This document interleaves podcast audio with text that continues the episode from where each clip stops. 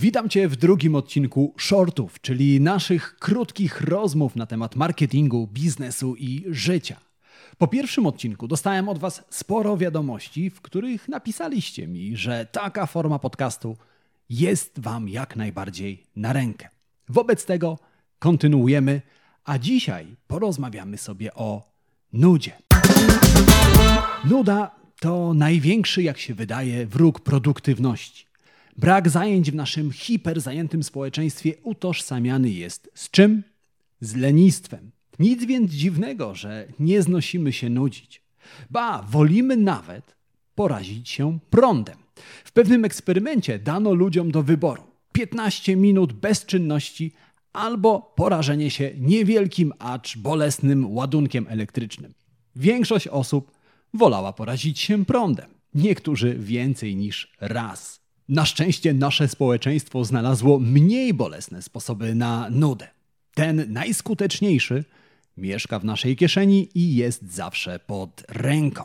Dlatego, gdy w autobusie, w kolejce do kasy czy w poczekalni u dentysty dopada nas nuda, sięgamy po smartfona. Potrafimy godzinami oglądać filmy ze śmiesznymi kotkami czy zgniatane w hydraulicznej prasie przedmioty.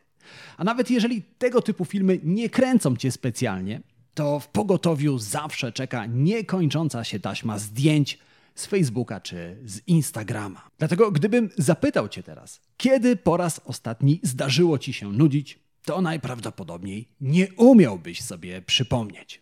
Jednak czy nuda rzeczywiście jest zła? Aby odpowiedzieć na to pytanie, musimy sięgnąć do badań.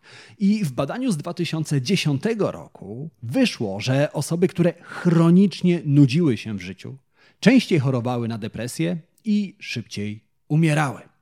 Wobec tego wniosek z tego badania jest jasny: nuda zła, praca dobra. No ale wyciąganie wniosków na podstawie tylko jednego badania jest moim zdaniem jak ocenianie smaku pizzy po zjedzeniu tylko oliwek.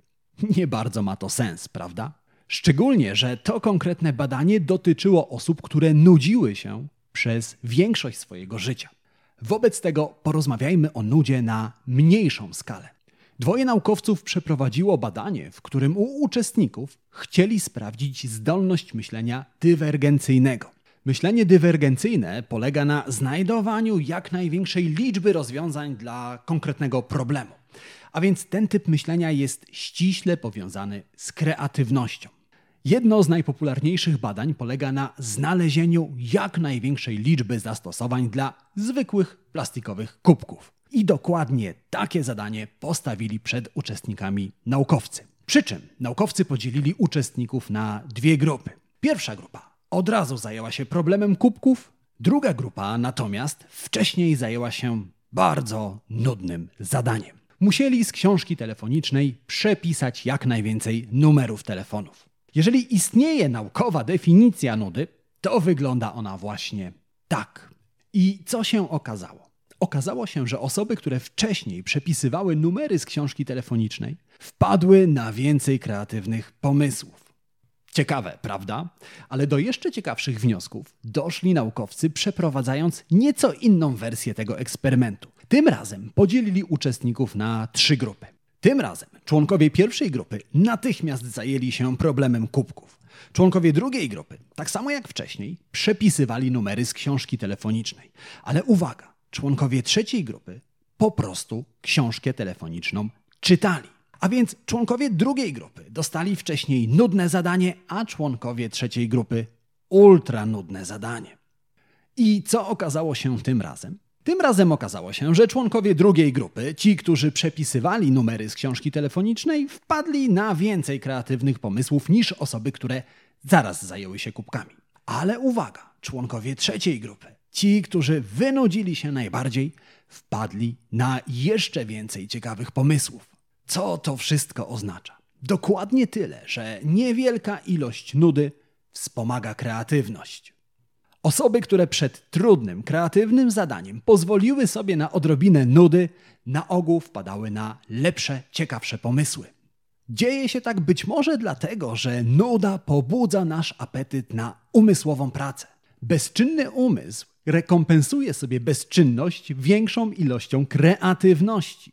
Każdy, kto podróżował samochodem z małymi dziećmi, doskonale wie, że dzieci potrafią usiedzieć bezczynnie tylko przez chwilę, ale zaraz po tym wpadną na bardzo ciekawe pomysły.